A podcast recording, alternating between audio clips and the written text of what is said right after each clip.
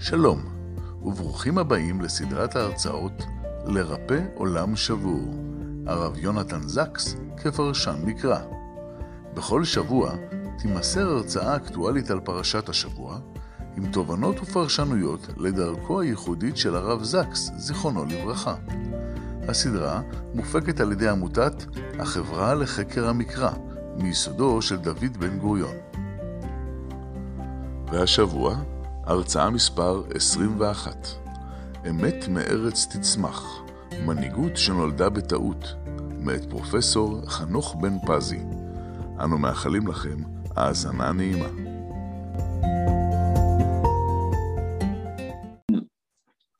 הכותרת שנתתי להרצאה מבוססת על כותרת, אה, אחת מהכותרות של הרב זקס באחת מההתייחסויות שלו לפרשת ויגש, שהוא קורא לה המנהיג הבלתי צפוי.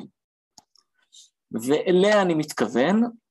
אם יותר לי לך להיות אה, זהיר בתחילת הדברים, לפני שאנחנו ככה נכנסים אל תוך השיעור, אמ, ולהבנה, לניסיון שלי להבין מה הרב זקס, מה הרב זקס עושה בתוך הפרשה הזאת, עם הפרשות הללו, ובעצם טענות יותר גדולות, אז אני אתחיל משני דברים מאוד פשוטים, בשביל שמי שאין לו סבלנות כבר ידע מיד לאן אני הולך בסוף, ואו שהוא ירצה להצטרף או שלא. ואני אגיד, אחד הדברים המפתיעים שהפרשה הזאת מלמדת, היא קצת בחיוך על אותה אמרה יידישאית מפורסמת, שיש לה כמובן וריאציות בכל העדות, של האדם מתכנן תוכניות ואלוהים צוחק. אני חושב שהפרשה הזאת מלמדת אותנו שאלוהים מתכנן תוכניות והאדם צוחק. הפרשה הזאת מלמדת אותנו הרב זקס, היא ניצחונו של האדם. ניצחונו של האדם שמצליח את האמת להצמיח מהארץ ולא מהשמיים, וזו הפתעה מאוד גדולה.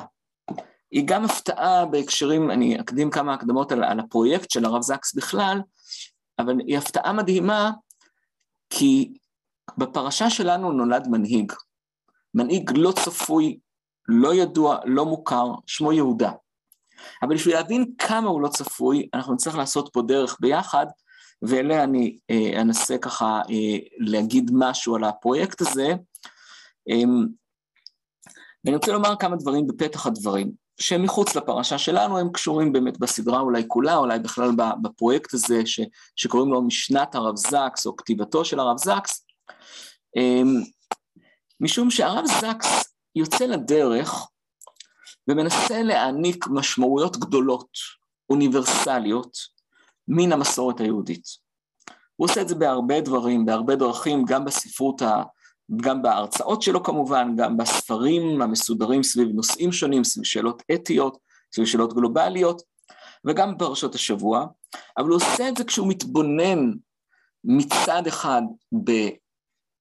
במקרא כולו, בתורה, והרבה מאוד פעמים ב... ב... ב... יש נושאים שמעסיקים אותו יותר מנושאים אחרים. אני חושב שהפרשות שלנו, סדרת הפרשות שלנו, שבאמת הסדרה אולי המרתקת מכולן, היא דוגמה נפלאה של הפרויקט הזה של הרב זקס. ואני אגיד, כשאנחנו מסתכלים מה הוא עושה בפרשות שלנו, בפרשה שלנו, פרשת ויגש, אז אפשר לראות כיצד הוא מנסה להבנות מושג של פסיכולוגיה אה, חיובית. כיצד הוא מנסה לתאר את לידתו של בעל התשובה, בפרשת ויגש. את לידת המושג של הסליחה. אתם יודעים, ספר בראשית מתחיל ברגעים מאוד קשים שאלוהים לא סולח. כשהמילה יתנחם, פירושו של דבר שאלוהים לא סולח. והנה נולד, נולד פה מושג חדש של הסליחה. הוא עוסק בהבנה של מה שהוא קורא reframing, מסגור מחדש, בווריאציה על, אה, על זליגמן.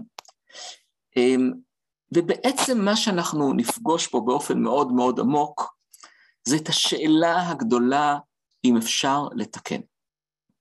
אם אפשר לתקן את המקולקל. אם המסלול שבו הלכנו, שהוא כל כך סדור וברור שמוביל אל הקושי, אפשר לקחת אותו למקום אחר, למקום מתוקן. והחוכמה לתקן זה לא כשאתה ברור לך שאפשר לתקן.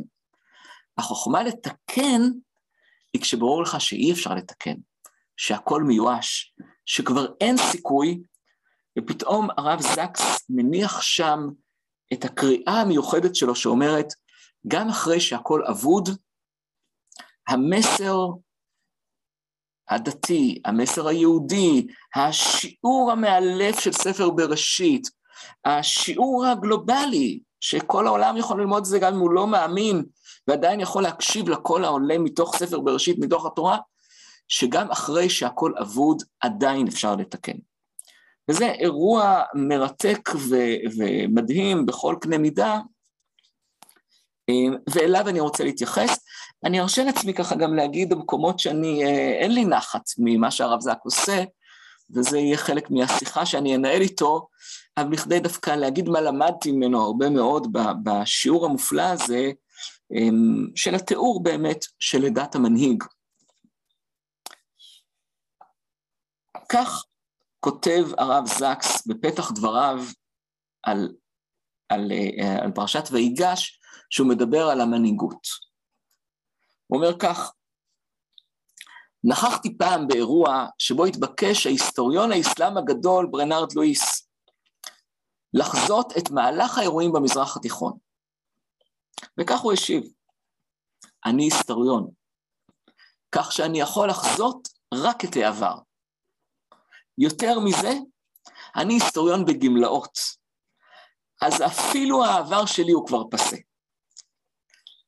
תחזיות בענייניהם של בני אדם חיים ונושמים אינן בגדר האפשר. משום שבני האדם חופשיים, ומשום שאין דרך לדעת מראש איך יגיב אדם לאתגרים הגדולים שחייו יזמנו לו. כשהרב זקס פונה לפרשת ויגש בכמה, בכמה מקומות, הוא אומר, פרשת ויגש לא עומדת לבד. היא רצף מתוך הפרשות. האמת היא שאתם הקוראים בפרשה הקבועים, ואלה שיקראו מחר, ואלה שיקראו מחרתיים, ואלה שמיד אחרי השיעור ירוצו לקרוא מחדש, ייזכרו שפרשת ויגש יש לה גם משהו מאוד מיוחד, היא לא מתחילה ולא נגמרת. זה ממש, ממש מטורף. זו פרשה שהיא בעצם מתחילה באמצע הדברים שקדמו לה, ממש באמצע הנאום של יהודה, פתאום אנחנו רואים הפסקה, שכחנו כבר שבוע שלם, או, או קצת זכרנו שבוע שלם, פעמיים או שלוש פעמים בשבוע, ופתאום אנחנו רואים את המשך המשפט.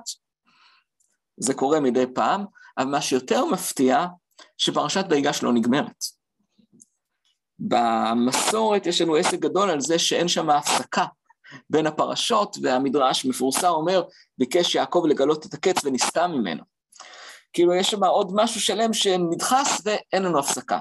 פרשת ויגש לא עומדת בפני עצמה, היא חלק מן הסיפור, והרב זקס אומר כמה וכמה פעמים, כל הזמן צריך לקרוא את ההדהוד בתוך פרשת ויקרא, בתוך הנאום של יהודה, בתוך הנאום של יוסף, בתוך הנאום של יעקב, בתוך הנאום של פרעה, של הדברים שקדמו לה.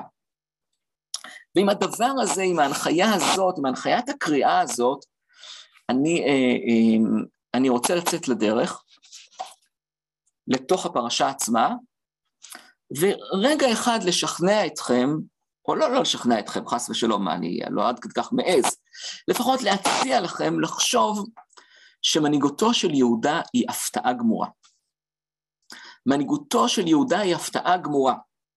הוא איננו הבכור, הוא איננו הנבחר, הוא איננו האהוב, הוא איננו מיוחד בשום דבר. כשאנחנו מנסים להבין מי התנהל בפתח הדברים, בעל החלומות על זה, או מי עצה עצה כזאת או אחרת, הוא מופיע בשולי הדברים. אבל לאט לאט כשאנחנו מקשיבים לו, אנחנו רואים כיצד מנהיגותו הולכת וצומחת. ומנהיגותו הולכת וצומחת בדרכים מאוד מאוד עדינים, שנדמה לי אנחנו היום בפרשה שלנו יכולים כבר להבין משהו מזה, ורק, כמו שלמד אותנו הרמב"ן לימים, אנחנו נוכל לקרוא לאחור ולהגיד, אה, ah, זה מה שקרה בפרשות הללו, כאן צמח מנהיג, מנהיג ענק, מנהיג שלא הבאנו את מנהיגותו, מנהיג שאפילו חשבנו שירד מהבמה, והוא מתברר לנו למפרע כאחד המנהיגים הכי גדולים של בני ישראל, של העם היהודי בכלל, אולי של מורה דרך במנהיגות, אנטי כריזמה. הכריזמה, האהבה הגדולה, היא לא של יהודה. הכריזמה הגדולה, האהבה הגדולה, מוענקת ליוסף. זה ברור, זה חד משמעי. והמתת המקובלת בעולם של הבכור לשמעון, לראובן. ואם צריך לבחור את השני, זה שמעון, אולי לוי בנסיבות אחרות, אבל זה לא מגיע משם. יהודה מופיע כמנהיג מהמקומות שהוא מוכן להכיר בחטאיו, מוכן ללמוד מהכשלים שלו, מוכן ללמוד מהטעויות שלו, ומהמקום המיוחד הזה הוא הופך להיות מורה ענק, מורה ענק של כולנו. וכאן אני חייב לומר לכם, אני מתנצל, אני מקווה שלא תכעסו עליי, שאני חולק על הרב זקס. הרב זקס אומר ביותר ממקום אחד, יוסף לימד אותנו סליחה מהי. יוסף הוא מורה הגדול של סליחה. אם הוא היה מוכן לסלוח על הניסיון להרוג אותו, על הניסיון, על המכירה שלו, על הזריקה שלו לבור, על כל מה שעבר עליו, הוא הסולח הגדול מכולם. אני חושב שאם יש משהו שמלמד אותנו יוסף בכל הפרשות הללו, שהוא מעולם לא סלח לאחים. לרגע אחד לא עלה בדעתו לסלוח לאחים. הוא מוכן לומר להם אמירה גדולה, שאיתה אני מסכים עם הרב זקס, למסגר מחדש את הסיפור, להגיד, אלוהים חשבה לטובה. לא אתם שלחתם אותי כי אם אלוהים. זה המסגור שלכם. אבל יותר, בפעמיים שהוא ידבר אליהם באופן ישיר, הוא יגיד להם את המילים הקשות, ואני בכוונה מצטט מהפרשה הבאה, אתם חשבתם לרעה. אל תתבלבלו לרגע, לא הייתה לכם שום כוונה טובה, גם אם יצא מזה טוב.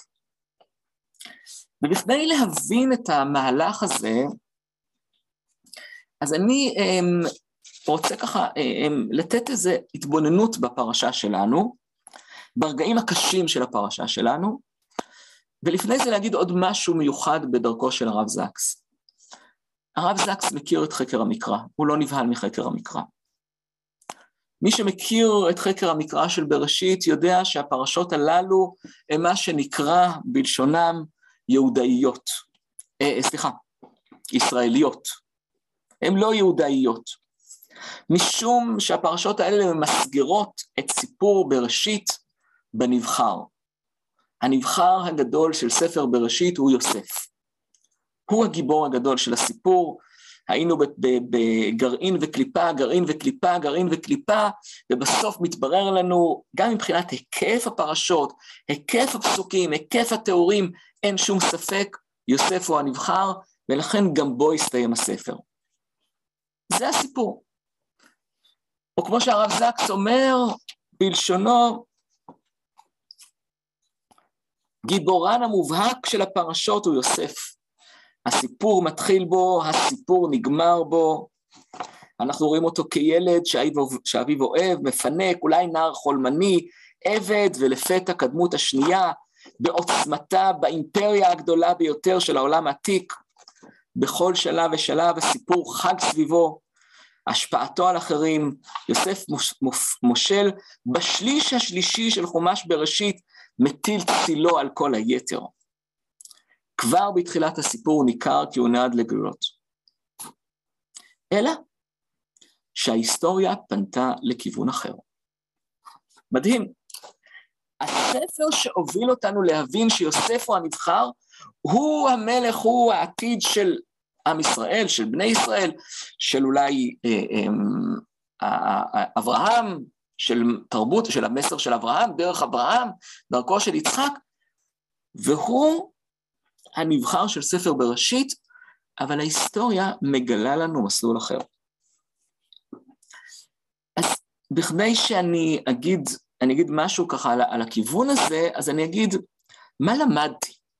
אני חושב שהרב זקס לימד אותי בקריאה שלו, שיוסף אמנם היה אמור להיות הנבחר, אבל הוא היה המורה הגדול של יהודה, וזה מה שאפשר ליהודה, שלמד ממנו, לצאת החוצה ולהפוך להיות המנהיג הברור והחד משמעי, שכמובן גם ברכת אה, יעקב ולימים ברכת משה מלמדת אותנו על גדולתו של, של יהודה ועל המנהיגות הצפויה שלו בעתיד הקרוב והרחוק.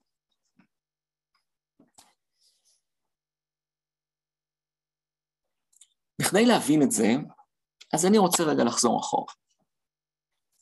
יוסף, שהיה שם בבור, אתם זוכרים אותו, ששומע למעלה את האחים שלו אוכלים ושותים, ומתלבטים בדילמה, דילמה נוראית. אני כל פעם שאני חושב עליו אני מתחיל לבכות, לא כמליצה. לשמוע את האחים שלך מתלבטים בשאלה אם להרוג אותך או למכור אותך לעבד, וברור שאתה לא חוזר הביתה, ואתה בבור והם למעלה אוכלים ושותים, כאילו, סיטואציה בלתי אפשרית, ויוסף נמצא שנים שנים עם שאלת השאלות הגדולה מכל. האם אבא שלו שלח אותו בכוונה או בטעות? האם אבא שלו, שאוהב אותו כנראה, היה חלק מן המזימה הזאת, או שלא? שאלה מחרידה. אני נוטה לחשוב שעבר... שיוסף די בטוח שאבא שלו במזימה. אני אפילו מציע לכם לחשוב עוד יותר מזה, שיוסף חושב שאבא שלו שלח אותו למות, והאחים הצילו אותו ומכרו אותו לעבד. שנגד הצפי, נגד הגורל, הוא ניצל. זה קצת מסביר אולי מדוע הוא לא שולח פקס. אתם יודעים, הוא המנהיג הגדול, אם הוא היה חושב שאבא שלו דואג לו, בקושי נושם, ממאן, להת, ממאן להתנחם, היה שולח פקס, אימייל, אה, איך אומרים את זה, אה, הודעה באינסטגרם, משהו, איזה פה, משהו שולח, איזה שליח שיודיע, שולח מכתב הביתה, אבא, אני חי, לא רוצה לראות אותך יותר בחיים. הוא לא עושה כלום מזה. הוא לא שולח כלום, הוא במצרים, וכל מה שקרה בכנען, כל מה שקרה בארץ העברים, איננה הסיפור שלו. איננה הסיפור שלו. ואתה, אני מוטרף מזה. ואני חושב שהפרשה שלנו תגלה לנו את החשבון שלו עם אבא שלו. הפרשה שלנו תגלה לנו את החשבון שלנו, או לפחות כך חז"ל קראו את זה. חז"ל קוראים את החשבון שיוסף מנהל עם אבא שלו. והוא שואל את השאלה הזאת. והפרשה שלנו מלאה בכמה שיחות. שיחות שהנסתר והנגלה מעורבות, מעורבים בהם זה בזה. שיחה גדולה וקשה בין יוסף ויהודה, שיחה שמתנהלת בין יוסף ויעקב, ותמשיך בפרשה הבאה, פרשת ויחי, ועוד שתי שיחות אחרות שאליהן כרגע אני לא רוצה להתייחס, יוסף והאחים ופרעה ויעקב, אבל אלה השיחות שמתנהלות שם, הן שיחות נוקבות, וכמובן הבכי המאוד גדול שיש ליוסף ובנימין. כשאני מסתכל על הפרשות הללו, ואני מסתכל על יוסף, ואני מנסה להבין מה יוסף חולל בכל התקופה הקשה הזאת שהוא ליווה את האחים במצרים, במסעותיהם במצרים. מה הוא רצה להשיג בתוך התנועה הגדולה הזאת? שאלה קשה, מאוד לא ברורה. ואני מציע לכם להסתכל על האופן שבו יוסף, המומחה הגדול בחלומות, המומחה הגדול בסמלים, רולן בארט כנראה הלך ללמוד אצלו את הקורס בסימבולים, סימבולים קדמונים, הוא עסוק בניסיון להבין שוב ושוב את הפרטים הכי קטנים. הוא שואל את עצמו שוב ושוב, איך מפרשים את האירועים. סליחה שאני עושה את זה בתור, uh, משלים פה את הפרטים של המקרא, של התורה, אבל יהיה קל יותר כשאני מדבר בשפה הזאת. הוא שואל את עצמו את השאלות, מה קרה פה? מה הייתה כוונתו של אבא? מה הייתה כוונתם של האחים? מה קרה לי, יוסף, ואיך אני מדבר איתם ומנסה להבין אותם? ואני חושב שהתיאור הזה הוא תיאור שאני אקח שתי דוגמאות מאוד קשות.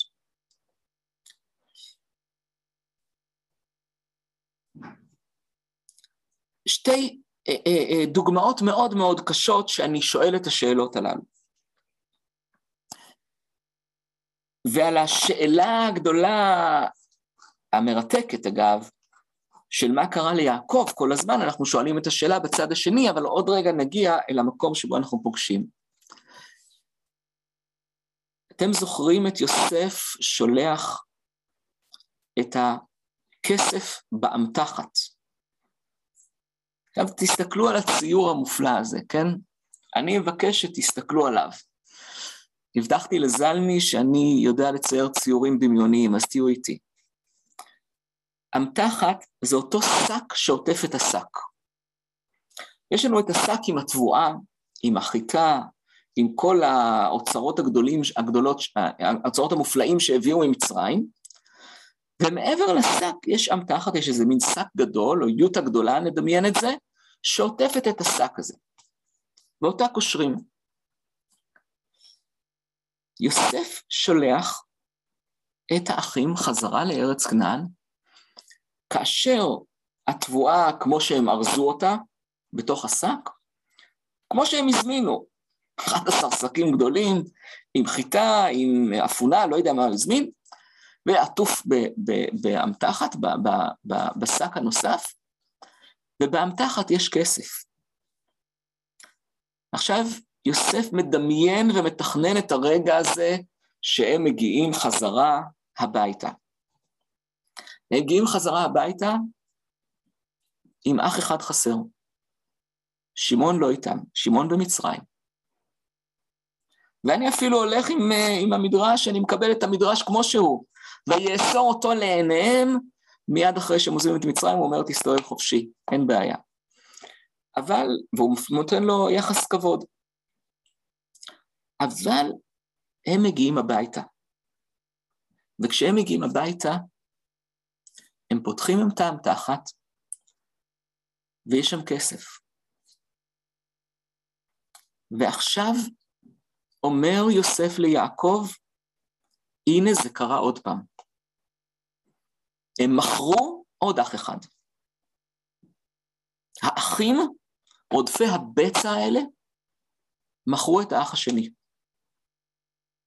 הוא מדמיין לעצמו ששואל יעקב את עצמו, אומר לעצמו, אני זוכר אחרי הסיפור הנורא עם יוסף, שפתאום לאחים היה קצת כסף. כל אחד היה לו קצת כסף, הם מכרו עבד. עבד זה בעולם העתיק, זה הרבה כסף. אגב, המדיינים, הישמעאלים, בסוף מכרו אותו בזול, אבל בהתחלה הם מכרו אותו כמו שמוכרים עבדים. אחלה עסקה. העסקה הנוראה ביותר. ויעקב אמור לשאול את עצמו, מאיפה היה להם כסף אז? הנה, זה קרה עוד פעם. שמעון נמכר, והנה הכסף מובא. ובעיניים המופלאות הללו, יוסף מתכנן את הפגישה הזאת, שם בבית יעקב. מה שהוא לא תכנן, שאחד האחים יפתח בטעות את השק שלו כבר בדרך. שאחד האחים לא יתאפק בדרך, יפתח את זה, והאחים יהיו מוכנים כבר לאירוע הזה. האחים לא מבינים שום דבר. שום דבר לא מבינים. יש אח אחד שמבין את הסיפור הזה כבר, שמתחיל להבין את הסיפור. אתם יודעים מי זה? זה יהודה. או כמו שאמר הרב זקס, יהודה והטיעון הכלכלי שלו. מה בצע כי נהרוג את אחינו? לכו ונמכרנו לישמעאלים.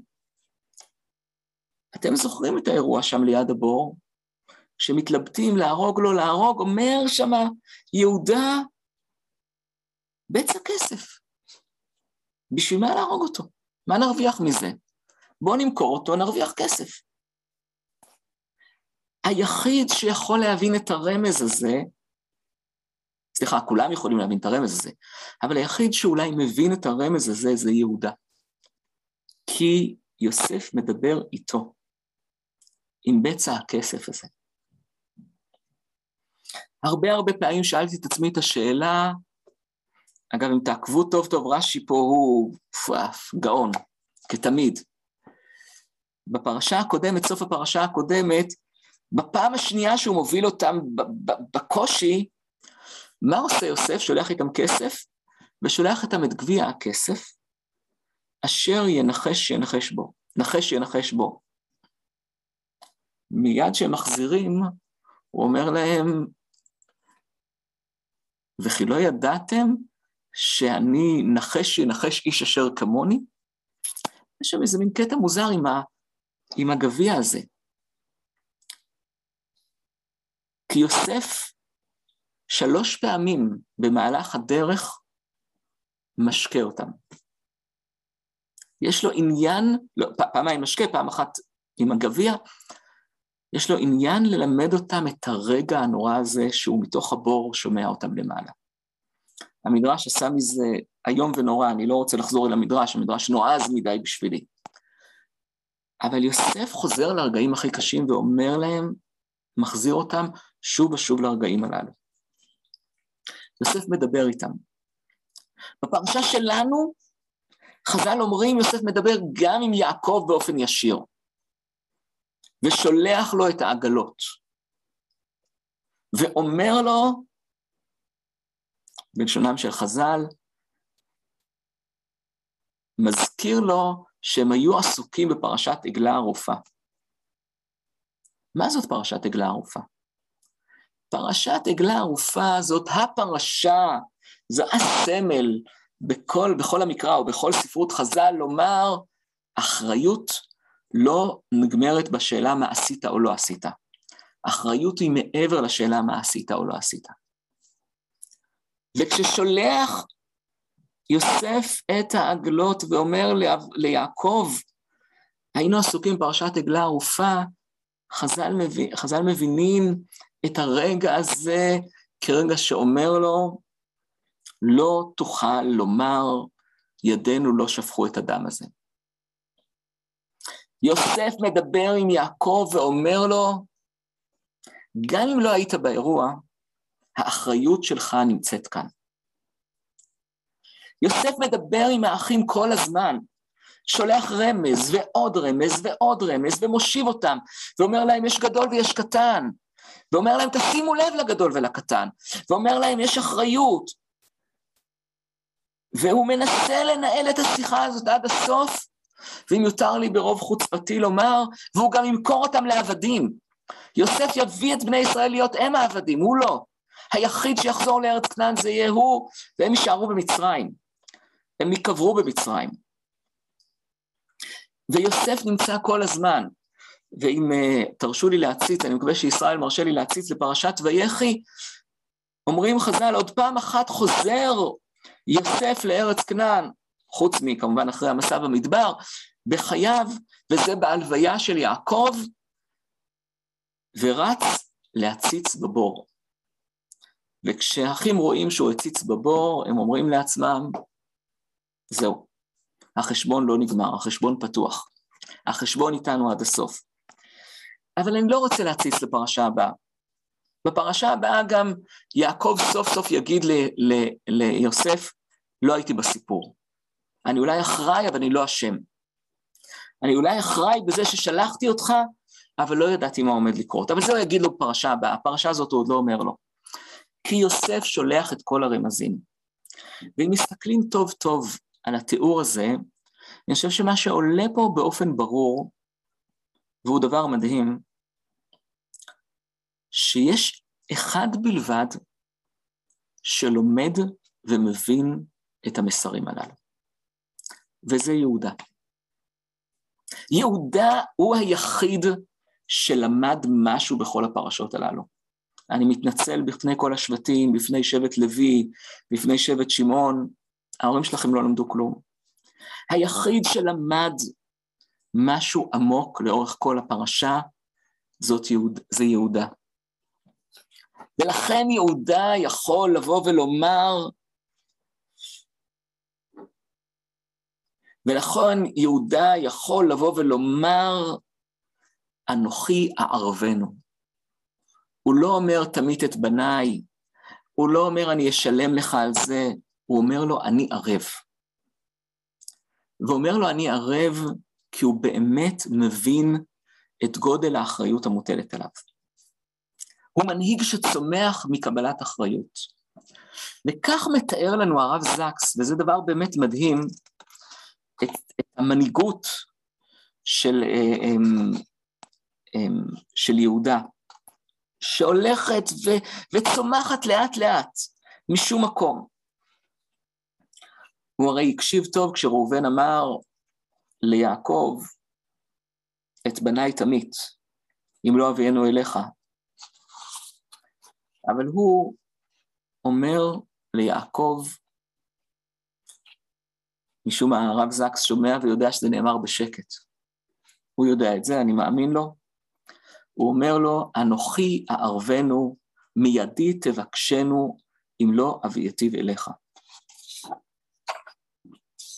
והוא אומר, והוא באמת לוקח את הערבות הזאת ברצינות. והוא אומר לו את הדבר, ואתה, יש, אומר ליוסף, ואתה ישב נא עבדך תחת הנער, עבד לאדוני, והנער יעל עמכם. איך אעלה אל אבי והנער איננו איתי, פן אראה ברע אשר ימצא את אבי. מאיפה צומח השינוי? עכשיו, זו שאלה מרתקת. התשובה של הרב זקס היא מדהימה. התשובה של הרב זקס היא מהפרשה המביכה הזאת. יהודה יש לו פרשה מביכה, יש לו כמה דברים. יש לו פרשה אחת מאוד מביכה. זה הפרשה המביכה עם תמר. הבחור הזה שהולך בחג הגז, או לא יודע מה בדיוק שם מתרחש, והולך אל, ה, אל, ה, אל אותה קדשה שנמצאת בצומת הדרכים, והיא מלמדת אותו לקח. אגב, גם שם הסיפור של הכסף נמצא. אבל שם מלמדת אותו תמר את הלקח ומעמידה אותו במבחן האולטימטיבי ואומרת לו, לאיש אשר החותמת והפלילים אנוכי הר. ככה היא אמרה לו. היא אמרה לו את המשפטים המאוד קשים, ואני אקרא את זה מבפנים.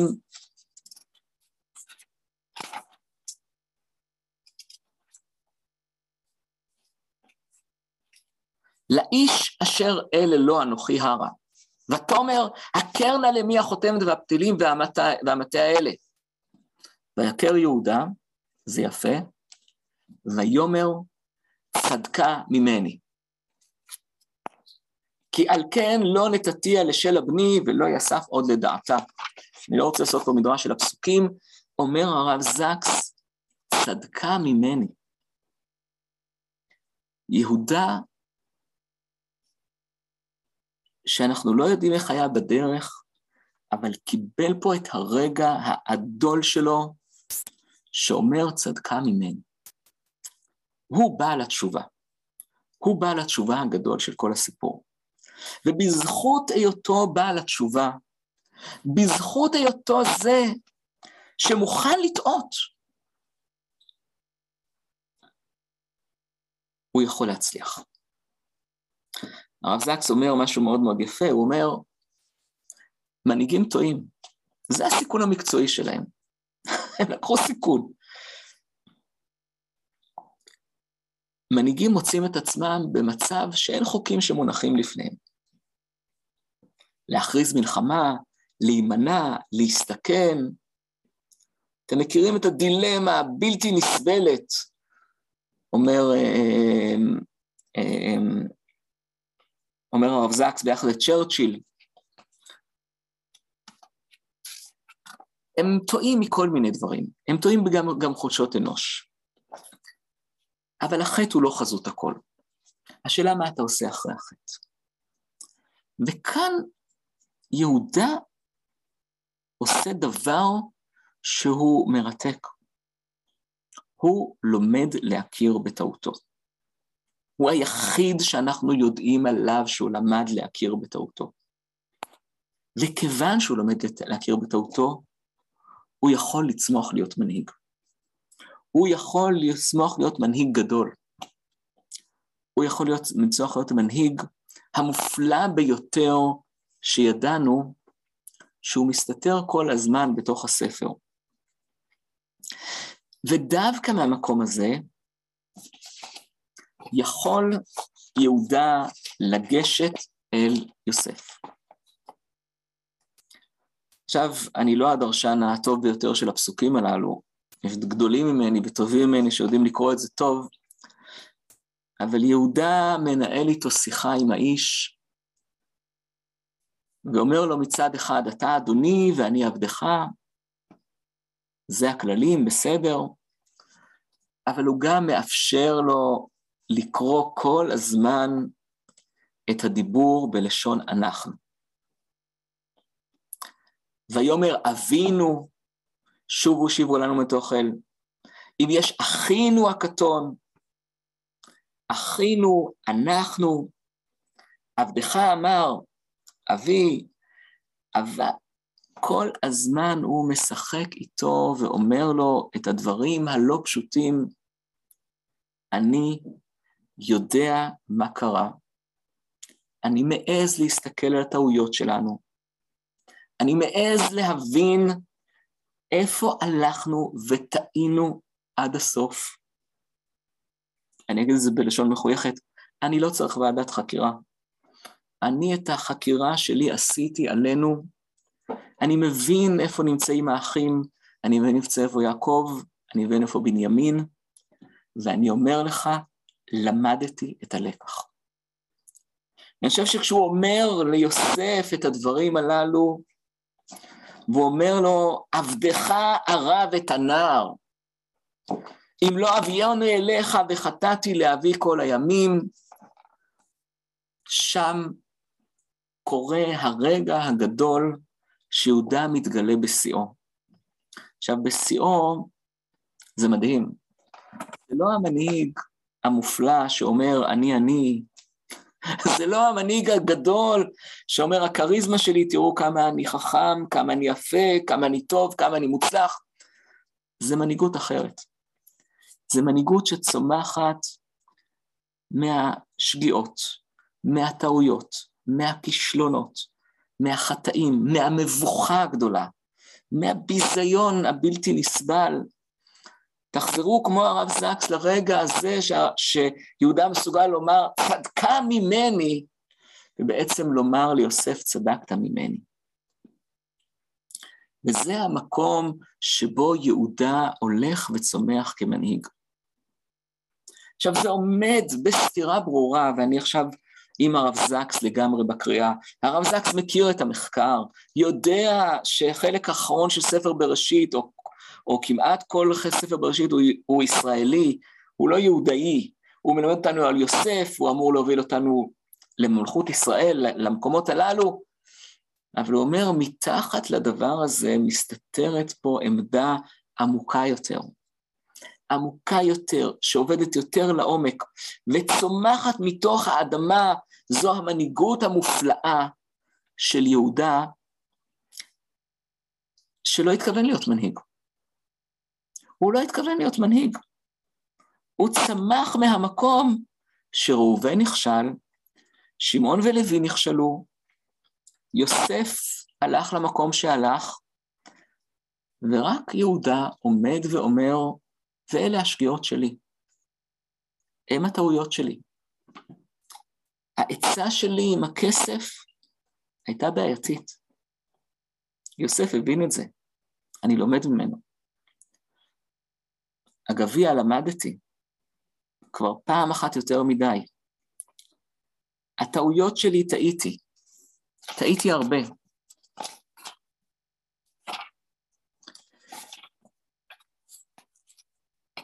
ואם יש משהו שנרמז ברמז בפרשה שלנו, פסוק מדהים, קטן וקטנוני, שבו יעקב אומר ליהודה וליוסף, בסוף יהודה. בסוף המסלול, יהודה.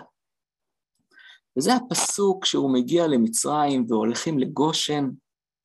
עכשיו תקשיבו קצת בקריאה עם הרב זקס, ואת יהודה שלח לפניו אל יוסף לאורות לפניו גושנה ויבואו ארצה גושן.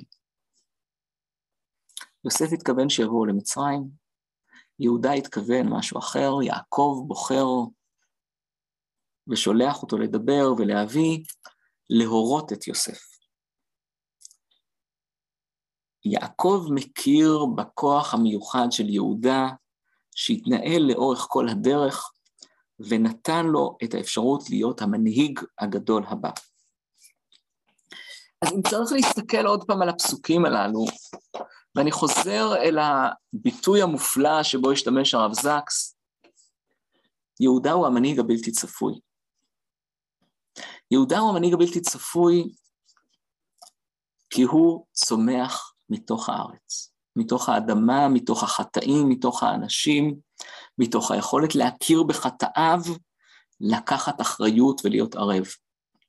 המנהיגות של יהודה אינה המנהיגות של גינוני המלכות, אינה המנהיגות של זה שלוקח לו, זה שרצים לפניו, זה ששולח חוקים, זו מנהיגות אחרת. זו מנהיגות שאפשר להזדהות איתה, כי מנהיגות של אחריות.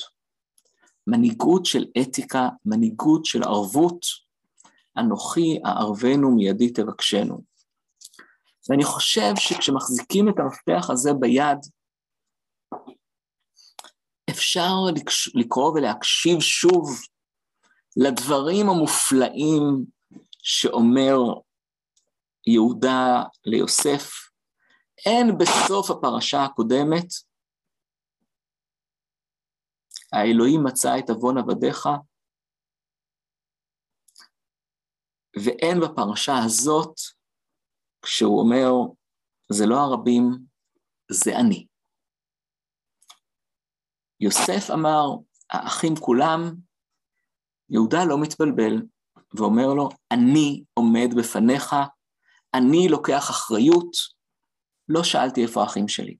אני לוקח את מלוא האחריות, ועל זה לא תוכל להתגבר. אני חושב שמתבוננים בדבר הזה, אפשר לראות את מה שהרב זקס רמז או כיוון אליו בדברים המופלאים שלו, תחזיות בענייניהם של בני האדם, חיים ונושמים, אינן בגדר האפשר, משום שבני האדם חופשיים, ומשום שאין דרך לדעת מראש איך יגיב אדם לאתגרים הגדולים שחייו יזמנו לו. יהודה לימד אותנו שכאשר הוא נענה לאתגרים הגדולים באופן חופשי וקבלת אחריות, הוא גילה את מנהיגותו שלא ידענו שהיא עומדת לבוא. והוא אכן מנהיג גדול שאפשר ללמוד עליו למפרע. כאן צמחה מנהיגותו של יהודה. אני עוצר אם יש שאלות, אם יש התייחסויות, אם יש בצ'אט, אני אתייחס בצ'אט.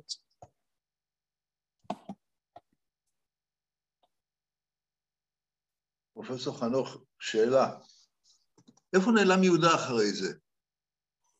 אנחנו לא, לא מוצאים את יהודה לא ב-210 שנים שהיו במצרים, לא ביציאת מצרים, לא אחרי זה כשהם נכנסים לארץ.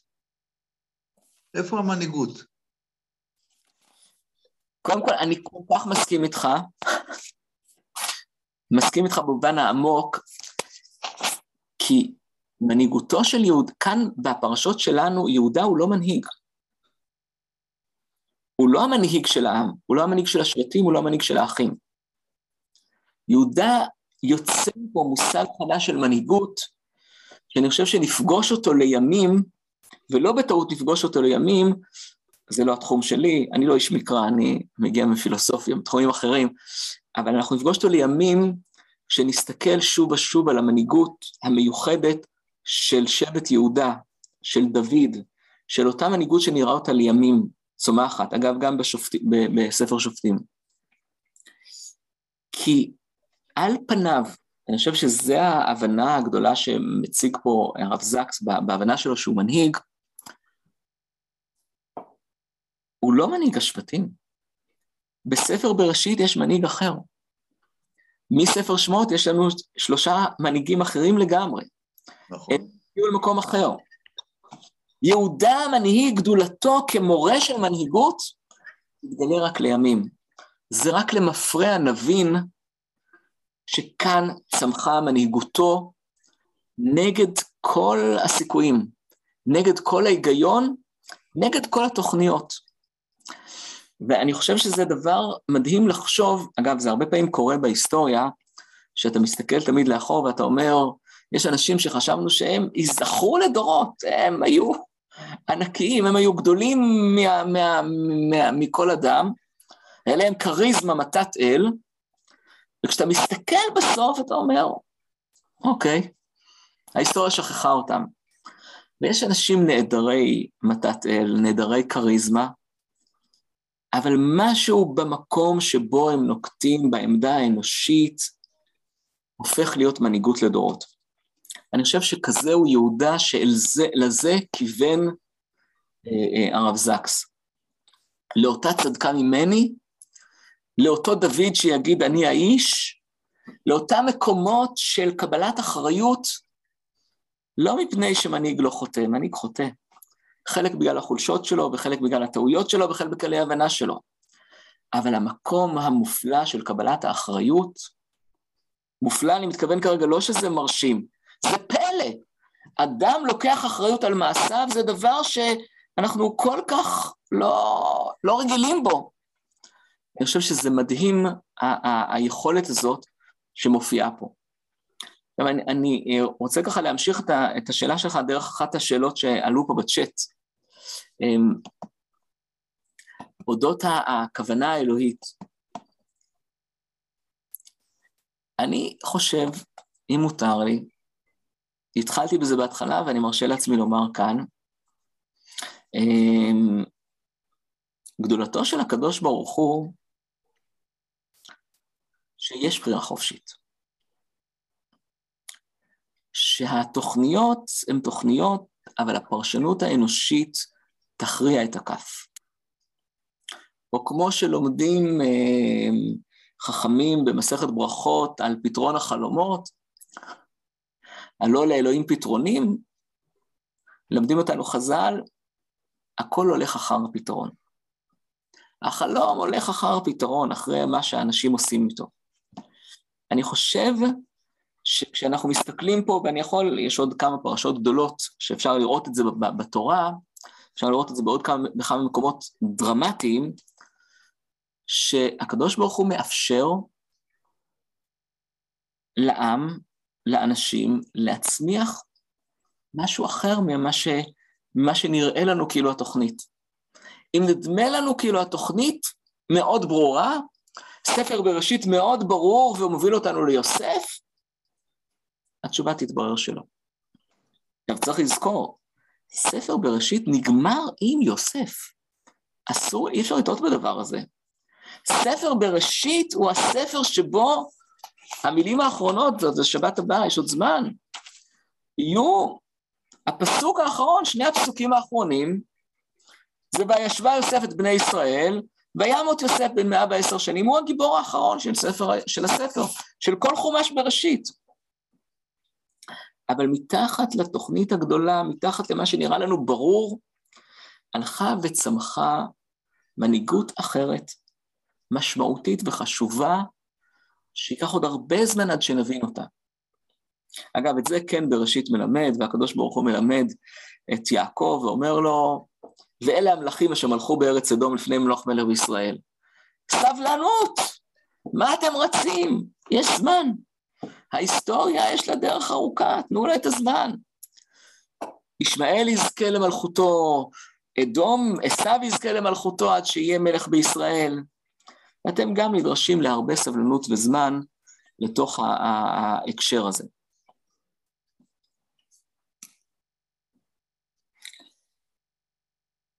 אני לא בטוח שיוסף את מנהיגותו של יהודה. אפרים פה שואל, אפרים אומר, אני, אמ, אני מודה על השאלה, ואני בכלל, בכלל לא בטוח, אני אפילו יותר מלא בטוח. אני חושב שיוסף לא מקבל את מנהיגותו של יהודה. יוסף מקבל את מנהיגותו של יוסף. יוסף יהיה נוקשה עד הסוף. הוא איש מדהים, הוא איש שמבין בניואנסים. אני חושב שיוסף לא, לא קיבל את מנהיגותו של יהודה, כמו שהוא לא קיבל את מנהיגותו של ראובן, הוא קיבל את מנהיגותו של יוסף, ולימים, אבל זה שבוע הבא, במזמין, אגב, אין כזה דבר, אני לא זוכר, יש, סליחה, יש את זה בעוד כמה מקומות במקרא, אבל בתורה אין את זה, שמזמין אבא את בנו לשיחת פרידה. ואומר לו, אני חייב לך דין וחשבון. עכשיו תקשיב, תקשיב טוב לכל מילה שאני אומר. וזה הדין וחשבון שלי אליך, דין וחשבון קשה ונוקב, מה קרה איתך, למה זה קרה, אבל זה בפרשה הבאה, שעליה לא נדבר עכשיו.